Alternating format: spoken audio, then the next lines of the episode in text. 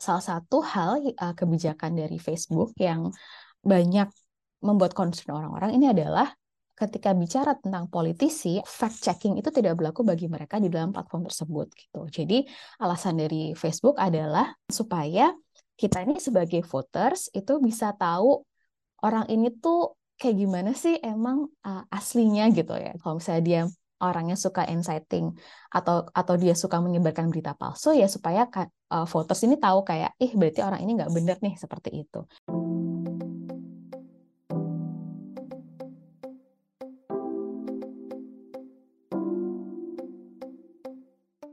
Halo Hai Friends, bertemu kembali di podcast Hubungan Internasional, podcast yang dikelola oleh Departemen Ilmu Hubungan Internasional. Pada podcast kali ini, kita akan membahas mengenai disinformasi digital menjelang pemilu bersama saya, Treviliana, dan juga Mbak Arinda Nitiasari.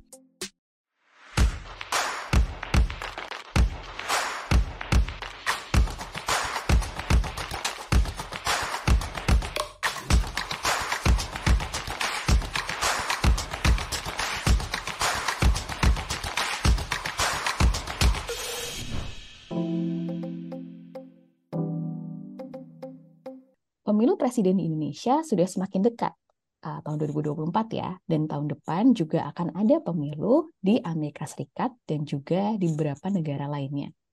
Berangkat dari kasus sebelumnya di pemilu Amerika Serikat pada tahun 2016, di mana dilaporkan banyak tersebar berita palsu dan juga banyak sekali terjadi uh, persebaran informasi-informasi yang tidak benar, yang menurut beberapa studi turut mempengaruhi uh, kualitas dari pemilu tersebut, bagaimanakah kemudian kita akan mempersiapkan diri menjelang pemilu 2024.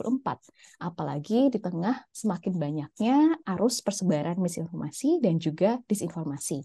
Bagaimana kita sebagai masyarakat sipil dapat menggunakan hak pilih kita dan juga mempersiapkan diri untuk ancaman-ancaman tersebut.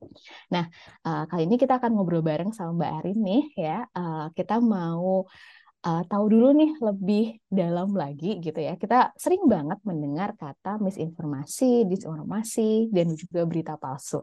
Tapi sebenarnya apa sih misinformasi, apa sih disinformasi, dan juga uh, kalau menurut studi itu mempengaruhi demokrasi ataupun mempengaruhi pemilu, sebenarnya gimana sih dia itu kemudian uh, dari informasi tersebut bisa mempengaruhi uh, pemilihan umum ataupun demokrasi secara lebih luas.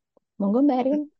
Mm-mm, thank you Mbak Trevi. Hai HI Friends. Uh, mungkin untuk menjawab pertanyaan yang pertama tentang apa itu MIS, uh, DIS, dan mungkin informasi ya. Jadi basically um, ada yang namanya tuh kalau dalam studi informasi itu tentang berita palsu gitu. Ada juga diklasifikasikan menjadi beberapa jenis gitu ya.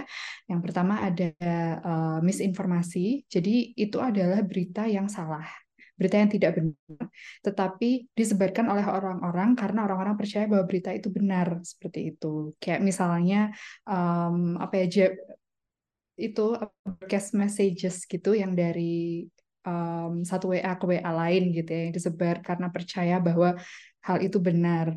Uh, misalnya ada foto um, foto uh, apa ya kayak sesuatu yang edited seperti itu terus dikasih remarks misalnya oh uh, ini karena dia durhaka dengan orang tuanya. Kayak gitu kan sempat santer juga ya disebarkan dari satu WA ke WA lain. Tuh beritanya sebenarnya tidak benar tetapi seolah-olah benar gitu dan tidak dibuat untuk um, apa ya causing some harms atau me, me, membuat suatu kegaduhan gitu. Nah, kalau disinformasi itu lawan dari misinformasi dalam artian benar masih berita yang palsu, tidak benar gitu ya. Tetapi dibuatnya untuk menciptakan kegaduhan seperti itu. Dan uh, ya itu memang salah gitu loh. Jadi misalnya kalau di dekat-dekat pemilu gini biasanya banyak hoax yang memfitnah atau black campaign gitu ya satu kandidat dan kandidat lainnya seperti itu. Kurang lebih begitu. Dan uh, dalam hal pemilu itu juga hmm, ada yang namanya mal informasi. Jadi beritanya tidak salah, beritanya benar, hanya saja di frame supaya uh, berita itu terlihat apa ya mempengaruhi seorang kandidat dan kandidat yang lain gitu. Um, misalnya ada berita tentang um, perusahaannya kandidat A itu menyebabkan kerusakan lingkungan uh, di suatu daerah seperti itu ya. Nah kayak gitu kayak timingnya dipas-paskan supaya mendekati pemilu gitu ya, supaya uh, kandidat A tersebut terlihat tercoreng namanya kayak gitu. Jadi um, hal itu bisa membentuk uh, opini publik supaya tidak menyukai seorang kandidat atau mungkin uh, apa ya, ketika voting nanti itu bisa mempengaruhi suara juga kayak gitu. Karena orang akan memilih berdasarkan fact atau fakta yang mereka percayai yang tersirkulasi di uh, media seperti itu. Dan tentu saja media sosial atau internet uh, itu berpengaruh sekali dalam uh, persebaran ini gitu. Karena mengamplifikasi dan mengakselerasi persebaran um, disinformasi. Jadi tidak hanya mempercepat, tetapi juga memperluas cakupan dari persebaran disinformasi itu. Kayak gitu sih kurang lebih. Nah, tapi jadi bingung ya, uh, maksudnya mengontrolnya akan seperti apa kayak gitu. Kalau dari Mbak Trevi, gimana Mbak Trevi? Menurut Mbak Trevi kan udah sangat besar gitu ya um, skala dari persebaran disinformasi itu, apalagi menjelang pemilu seperti ini. Kira-kira ada nggak ya kiat-kiat supaya bisa mengontrol informasi tersebut? Oke, mungkin uh, aku pengen cerita sedikit sih tentang uh, apa sih yang sudah terjadi sebenarnya sejak 2016 gitu. Jadi uh, kayaknya teman-teman semua mungkin tahu tentang skandal Cambridge Analytica dan juga kemudian midterm US election 2022 kemarin dan berbagai hal yang terjadi di media sosial yang kemudian itu inciting violence yang terjadi di berbagai belahan dunia di pemilu di berbagai belahan dunia gitu ya. Jadi uh, sebenarnya tuh sejak tahun 2016 sejak uh, kasus itu terbuka dan kemudian orang jadi lebih concern tentang uh, isu tentang disinformasi dan juga misinformasi ini.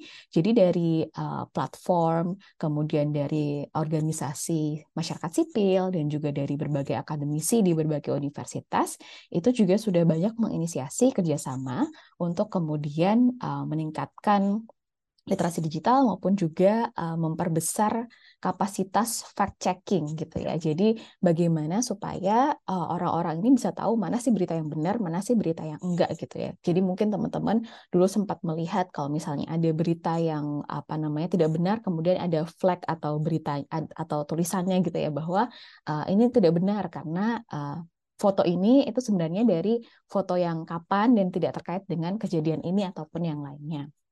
Nah, tapi sebenarnya kalau kita memperhatikan kembali juga uh, mungkin timeline kita ataupun mungkin teman-teman yang ada di berbagai belahan dunia lain juga memperhatikan pembicaraan gitu ya uh, menjelang pemilu ataupun uh, menjelang apa ya momen-momen khusus gitu ya uh, terkait politik itu juga masih banyak kebobolannya gitu ya. Salah satu hal yang sebenarnya ini juga cukup debatable adalah um, kita tahu ya kalau Meta ini adalah salah satu platform media sosial yang cukup besar dan juga dia pegang beberapa um, platform gitu ya. Jadi ada Facebook, ada Instagram gitu.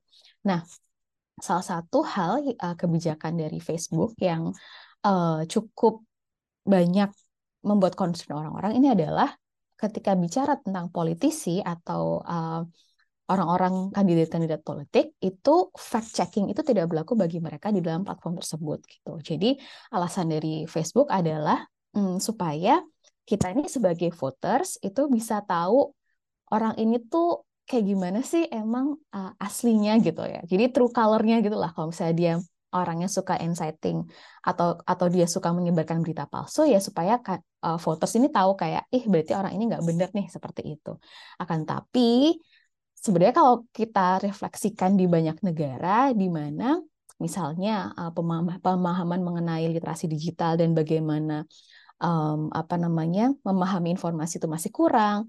Kemudian juga banyak sekali orang-orang yang kalau misalnya sudah hard die fans gitu ya dari satu politisi ataupun satu ideologi itu malah semakin memperkuat pemahaman mereka ataupun um, apa ya konsepsi mereka tentang hal-hal yang ingin mereka percaya gitu ya. Jadi alih-alih bikin orang jadi kayak wah ternyata orang ini suka bohong nih, wah ternyata orang ini tidak begitu pintar sehingga dia menyebarkan berita yang tidak benar gitu ya. Orang mah percaya sama si politisi ini. Nah, itu dia yang kemudian banyak sekali masih menimbulkan debat gitu ya. Tapi lagi-lagi uh, dari kebijakan dari platform uh, menyatakan bahwa ya harusnya ini uh, terbuka aja gitu ya. Uh, kita tidak perlu mempoles apa yang dikatakan oleh seorang politisi ataupun kandidat dari uh, partai politik. Jadi, jadi itu ada ada beberapa masalah meskipun sebenarnya effortnya gitu ya uh, sepertinya sudah cukup banyak gitu ya, tidak hanya dari platform, dari komunitas masyarakat sipil, tapi juga dari uh, kelompok akademisi untuk melihat gimana sih sebenarnya pattern misinformasi dan disinformasi ini berkembang seperti itu. Oke, jadi kayak um, sebenarnya intentionnya mungkin bagus, tapi somehow jadi salah gitu ya Mbak penerimaan publik gitu. Jadi alih-alih mereka melihat tweets atau melihat postingan postingan mereka tuh secara kritikal gitu, tetapi malah melihatnya sebagai sesuatu yang bisa dipercaya atau reliable gitu ya. Nah, lalu kalau dengan cara fact checking mungkin tidak terlalu hmm, bekerja gitu ya, berhasil gitu, kira-kira bagaimana nih Mbak upaya mengontrol informasi itu bisa dilakukan? Oke, jadi sebenarnya kalau misalnya kita bicara tentang fact checking itu kan ada banyak cara ya.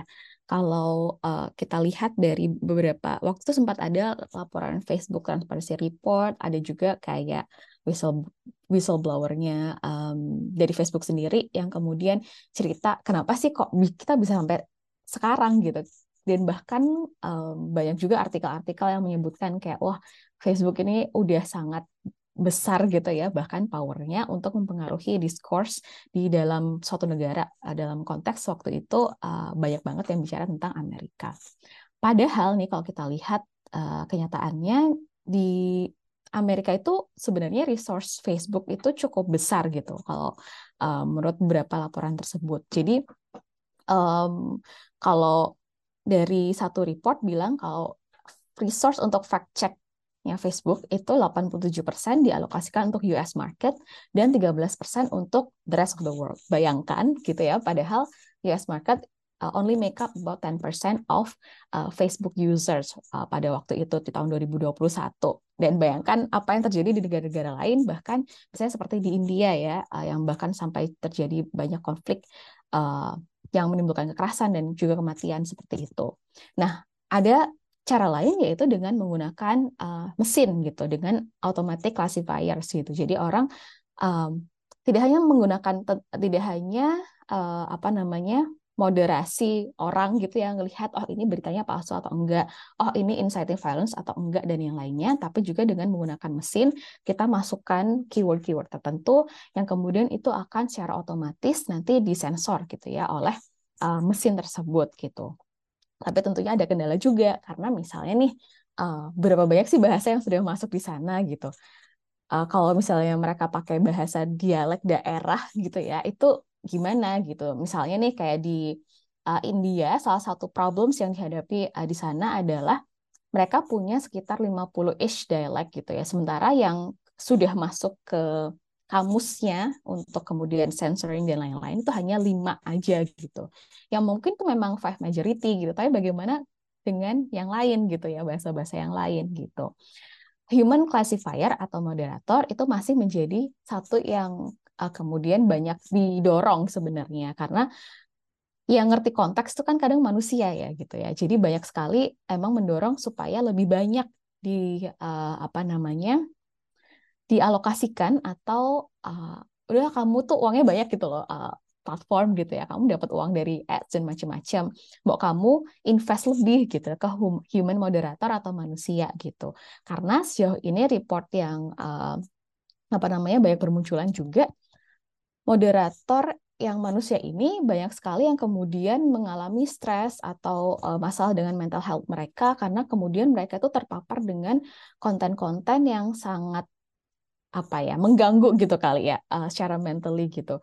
Kita biasanya lihat berita-berita aneh mungkin satu dua kita ah, skip aja gitu kan. Sebenarnya mereka tuh tugasnya untuk melihat itu dan memverify itu gitu. Jadi uh, aku rasa ada banyak hal yang sebenarnya masih bisa ditingkatkan gitu. Kalaupun misalnya kita memang mau meningkatkan jumlah human classifier atau moderator uh, moderasi yang dilakukan oleh manusia, ya mungkin memang harus lebih banyak orangnya. Jangan sampai orang-orang ini yang sudah ngelihatin berbagai keanehan uh, individu netizen di uh, platform itu kemudian sampai uh, terganggu mental health dan yang lainnya karena dia harus melihat uh, kekerasan uh, ataupun isu-isu yang disturbing gitu kali ya atau mengganggu atau berita-berita yang aneh aja simply aneh aja gitu yang kemudian muncul di platform gitu. Jadi uh, perlu banyak hal gitu ya yang uh, ditingkatkan uh, dalam sisi uh, moderasi yang bisa dilakukan oleh platform. Dan tentunya juga nanti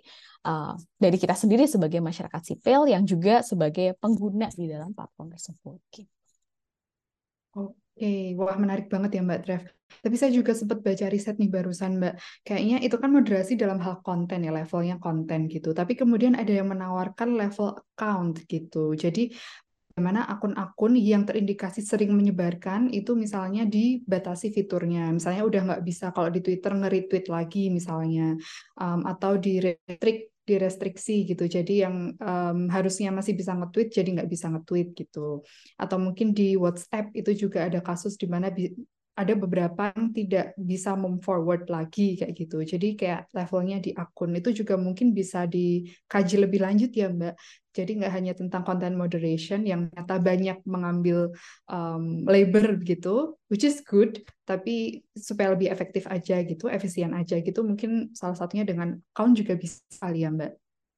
Benar-benar itu juga satu hal yang cukup menarik, terutama kemarin setelah ini ya mungkin waktu Presiden Trump uh, mantan Presiden Trump sempat di restrict uh, akunnya juga oleh beberapa platform. Meskipun lagi-lagi Rin sebenarnya ada satu hal yang menarik juga sih karena um, kalau aku baca-baca tuh di beberapa negara, misalnya di US ya, um, itu banyak juga orang yang merasa um, apa ya, mereka tuh nggak pingin gitu platform itu dimodera dimoderatorin gitu ataupun akun mereka direstrik gitu. Karena kalau kata mereka itu melanggar First Amendment dan yang lainnya. Jadi bahkan ada beberapa uh, peneliti tentang disinformasi, misinformasi dan yang lainnya yang kemudian mem, apa ya mempublish riset mereka tentang uh, tentang disinformasi ini malah diserang gitu. Kayak kamu itu kong kali kong sama pemerintah supaya mensensor uh, free speech kita gitu. Jadi ada ada banyak hal yang cukup menarik sih dinamika ter terkait tentang uh, moderasi konten ataupun moderasi pengguna gitu ya di dalam media sosial yang kita mungkin dulu nggak nyangka ya kayak media sosial buat connecting orang gitu ya tapi sekarang powernya gede banget gitu. satu hal yang satu hal yang menurut aku juga menarik itu adalah uh, saat ini itu kan kita lihat bentuk media sosial tuh jadi makin mirip-mirip gitu. Misalnya uh, sekarang yang sangat lagi naik banget itu adalah bentuk video singkat gitu. Jadi waktu uh, TikTok bentuknya video singkat seperti itu, kemudian Instagram punya, kemudian juga YouTube Short juga ada gitu. Jadi kayak sekarang orang tuh uh, lebih suka buat lihat video singkat bentar gitu ya uh, daripada untuk baca caption ataupun lihat foto aja. Nah, kalau menurut Arin nih, kira-kira ada nggak sih implikasi dari apa ya bentuk um, media yang berubah sekarang ini dengan bentuk video singkat tersebut? Mbak Trev, kalau menurut aku itu sangat berpengaruh sih, terutama karena um, videonya singkat gitu kan. Jadi otomatis orang tuh hanya mungkin hanya melihat potongan video instead of video yang dibuat singkat. Beda kan, video yang dibuat singkat dengan video yang dipersingkat gitu ya. Nah, curigaku sebenarnya banyak sekali uh, di platform-platform itu video yang dipersingkat sehingga orang ketika melihat video tersebut mungkin sebenarnya hanya sambil lewat di timeline gitu, uh, mereka melihat sesuatu informasi yang tidak utuh gitu sehingga informasi yang seharusnya benar itu bisa menjadi salah. Itu yang pertama menurut aku berpengaruhnya di situ gitu ya. Jadi uh, harusnya informasi itu utuh menjadi tidak utuh. Lalu yang kedua adalah um, ini sih Mbak eh, orang-orang kan jadi sangat create ter banget gitu ya orientasinya tuh bagaimana mengcreate mengcreate gitu sehingga mereka makin kreatif nih bahkan banyak juga yang edit-edit dan karena sekarang ada kecerdasan buatan gitu ya atau uh, editannya tuh jadi makin canggih nih misalnya orang bisa apa ya orang yang ngomong misalnya aku gitu ya tetapi kemudian suaranya suaranya siapa gitu. Um, atau mungkin uh, apa namanya um, misalnya ada speechnya Barack Obama kalau nggak salah waktu itu itu tuh ternyata hasil deepfake gitu. Um, deepfake istilahnya adalah video yang dipalsukan gitu dengan kecerdasan buatan sehingga terlihat seolah-olah beneran Barack Obama ngomong gitu. Nah, ini juga perlu diwaspadai gitu karena saking miripnya dengan video original gitu sulit sekali dibedakan. Jadi mana nih original, mana nih yang uh, nggak asli gitu atau editan gitu. Itu juga bisa menjadi celah yang dimanfaatkan oleh oknum-oknum tertentu untuk menyebarkan disinformasi itu tadi. Jadi disinformasinya nggak cuma informasi dalam bentuk tulisan atau mungkin gambar, meme seperti itu, tapi juga video deepfake itu tadi. Jadi bisa aja diedit salah satu kandidat uh, di pemilu gitu ya seolah-olah ngomong bahwa uh, mereka percaya bahwa HAM itu tidak ada kayak gitu misalnya atau uh, perdagangan antara negara ini dengan Indonesia itu tidak menguntungkan kayak gitu. Jadi sesuatu um, apa ya kayak digoreng gitu ya caranya uh, menggunakan deepfake itu tadi. Jadi menurutku sangat berpengaruh sih Mbak, apalagi itu tadi ya dengan model yang konten video singkat tadi ada dua pengaruhnya. Yang pertama karena informasi tidak utuh dan yang kedua karena ada ancaman deepfake itu tadi. Kayaknya itu sih pengaruhnya. Mm -hmm. Iya sih. Sekarang kayaknya uh, banyak aplikasi-aplikasi yang kita gampang pakainya ya kalau misalnya mau ganti muka, ganti suara, yang kayak di TikTok sempat ramai juga ya eh, video-video kayak presiden kita nyanyi lagu Korea gitu misalnya dan macam-macam yang sebenarnya mereka belum pernah melakukan itu gitu ya tapi uh, orang bisa dengan mudah melakukan itu yang kita pikir itu buat lucu-lucuan tapi sebenarnya uh, efek jangka panjangnya itu bisa dipakai di konten-konten uh, yang bisa membuat banyak uh, keributan ataupun gangguan gitu di de ke depannya. Nah, satu hal lagi nih Rin yang uh, cukup meresahkan mungkin adalah sekarang ini tuh juga konten itu kalau misalnya teman-teman perhatikan media sosial itu tidak apa ya hmm, tidak hanya stay di satu platform aja gitu. Jadi misalnya sering banget kita lihat ada screenshot dari X gitu ya. Sekarang namanya X sudah bukan Twitter lagi. Uh, dari Twitter atau X itu yang kemudian sampai ke Instagram ataupun misalnya uh, Reels TikTok yang sampai ke Instagram ataupun um, foto di Instagram yang kemudian di share di TikTok jadi sebenarnya saat ini um, nature media sosial itu nggak stay true gitu ya misalnya tulisan ya cuma ada di Twitter karena kemudian kayak ya bisa di screenshot masuk ke Instagram masuk ke tempat lainnya juga gitu.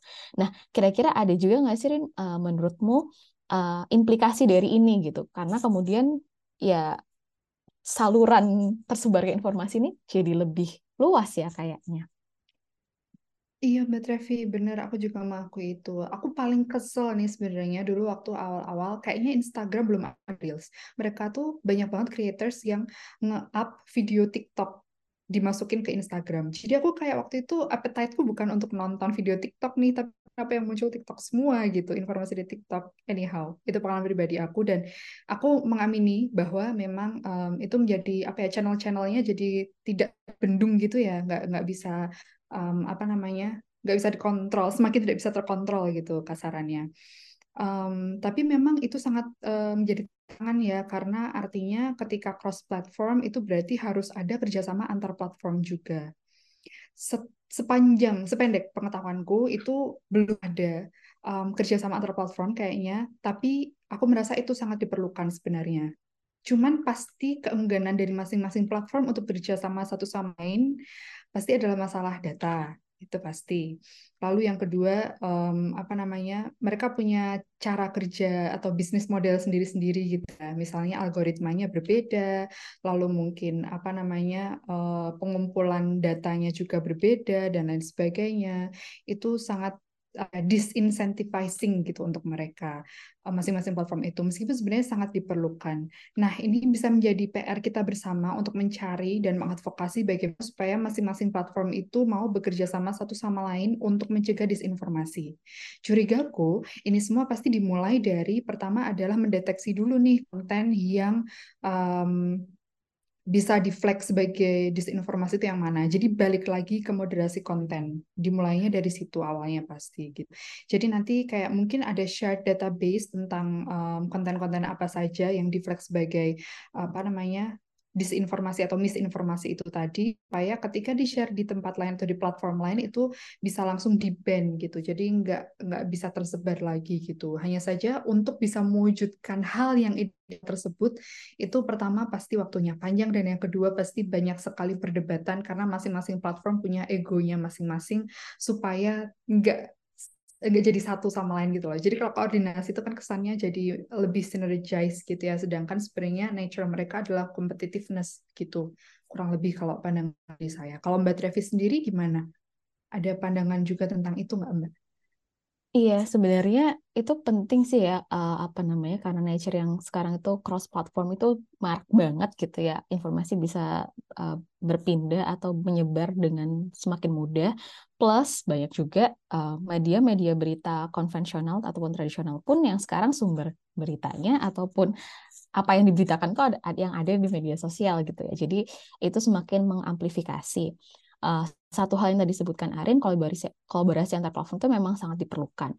Uh, satu hal yang uh, aku note juga, saat ini mungkin kerjasama sudah muncul kalau misalnya kontennya itu memang uh, jelas gitu ya, jelas ini tuh nggak boleh. Misalnya uh, kerjasama yang sudah dilakukan itu tentang um, apa namanya kasus-kasus kejahatan ataupun kekerasan terhadap anak yang kemudian itu bisa menimbulkan kekerasan fisik secara langsung di dunia nyata. Itu kan jelas ya case-nya itu apa, uh, gambar seperti apa, kata-kata seperti apa. Itu yang kemudian bisa uh, inciting violence gitulah cerita ya, istilahnya gitu. Tapi untuk hal-hal yang mungkin masih agak abu-abu gitu ya, itu tentunya mungkin mereka juga merasa kayak nggak pingin jadi yang pertama buat uh, apa namanya disalahin orang gitu kalau misalnya kok kayak gitu disensor sih dan macam-macam gitu. Jadi mungkin ini juga salah satu PR.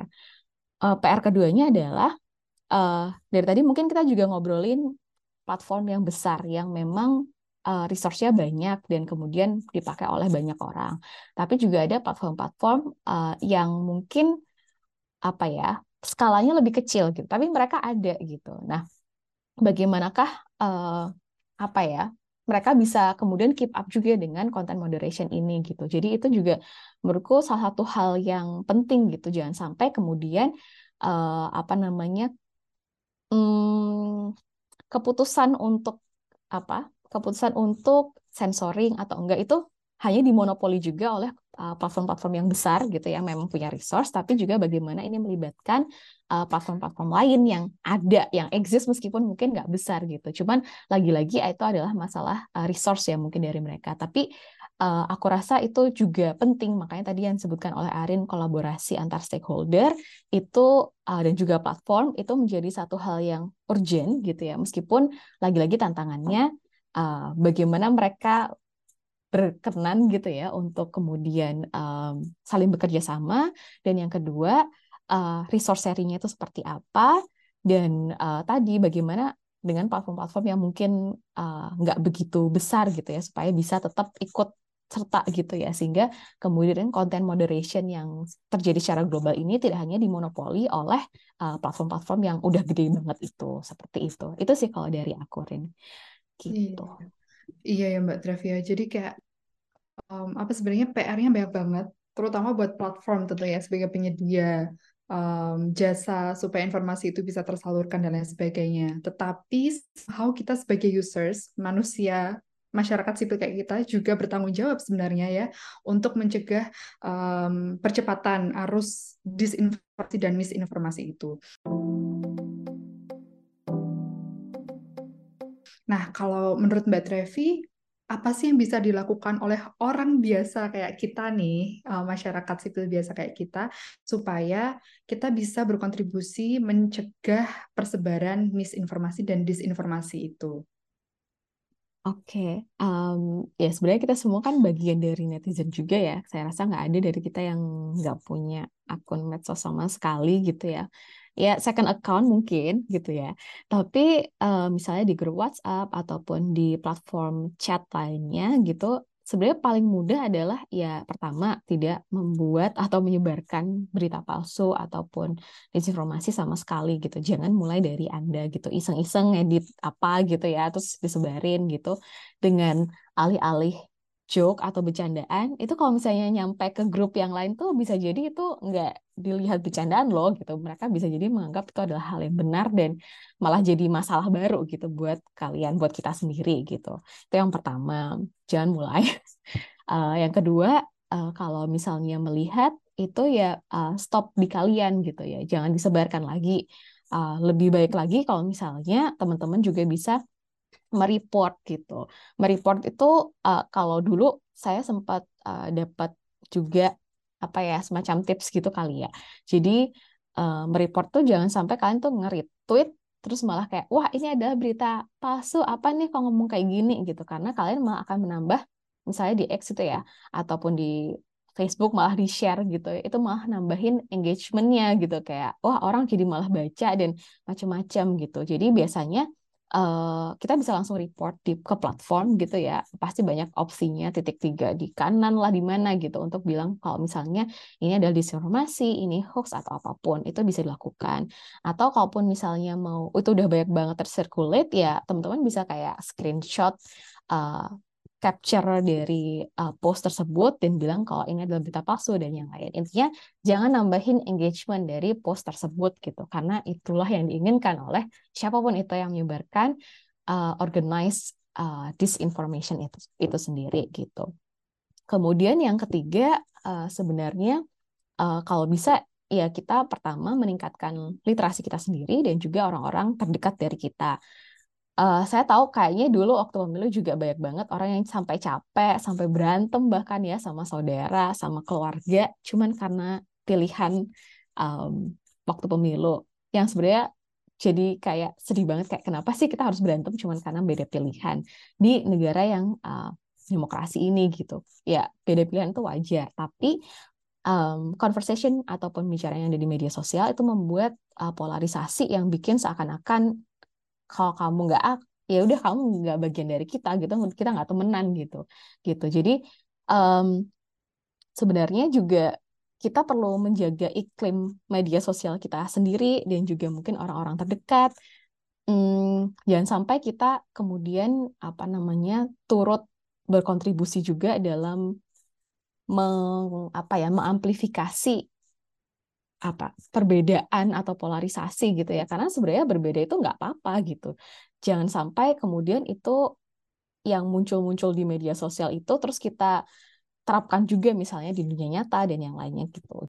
Itu sih Rin kayaknya yang menurut aku penting dari apa namanya pelajaran terutama dari pemilu-pemilu yang lalu ya. Ini saya nggak tahu nih um, akhir tahun ini sampai dengan awal tahun depan kira-kira suhu-suhu um, temperatur iklim politik dan juga pertemanan di Indonesia bakal seperti apa uh, menjelang pemilu presiden uh, mendatang gitu. Kalau dari Arin sendiri kira-kira ada nggak uh, apa namanya juga concern ataupun kira-kira apa sih yang mungkin Arin akan praktikkan sendiri nih uh, terutama menjelang pemilu presiden mendatang? Mm, Oke, okay.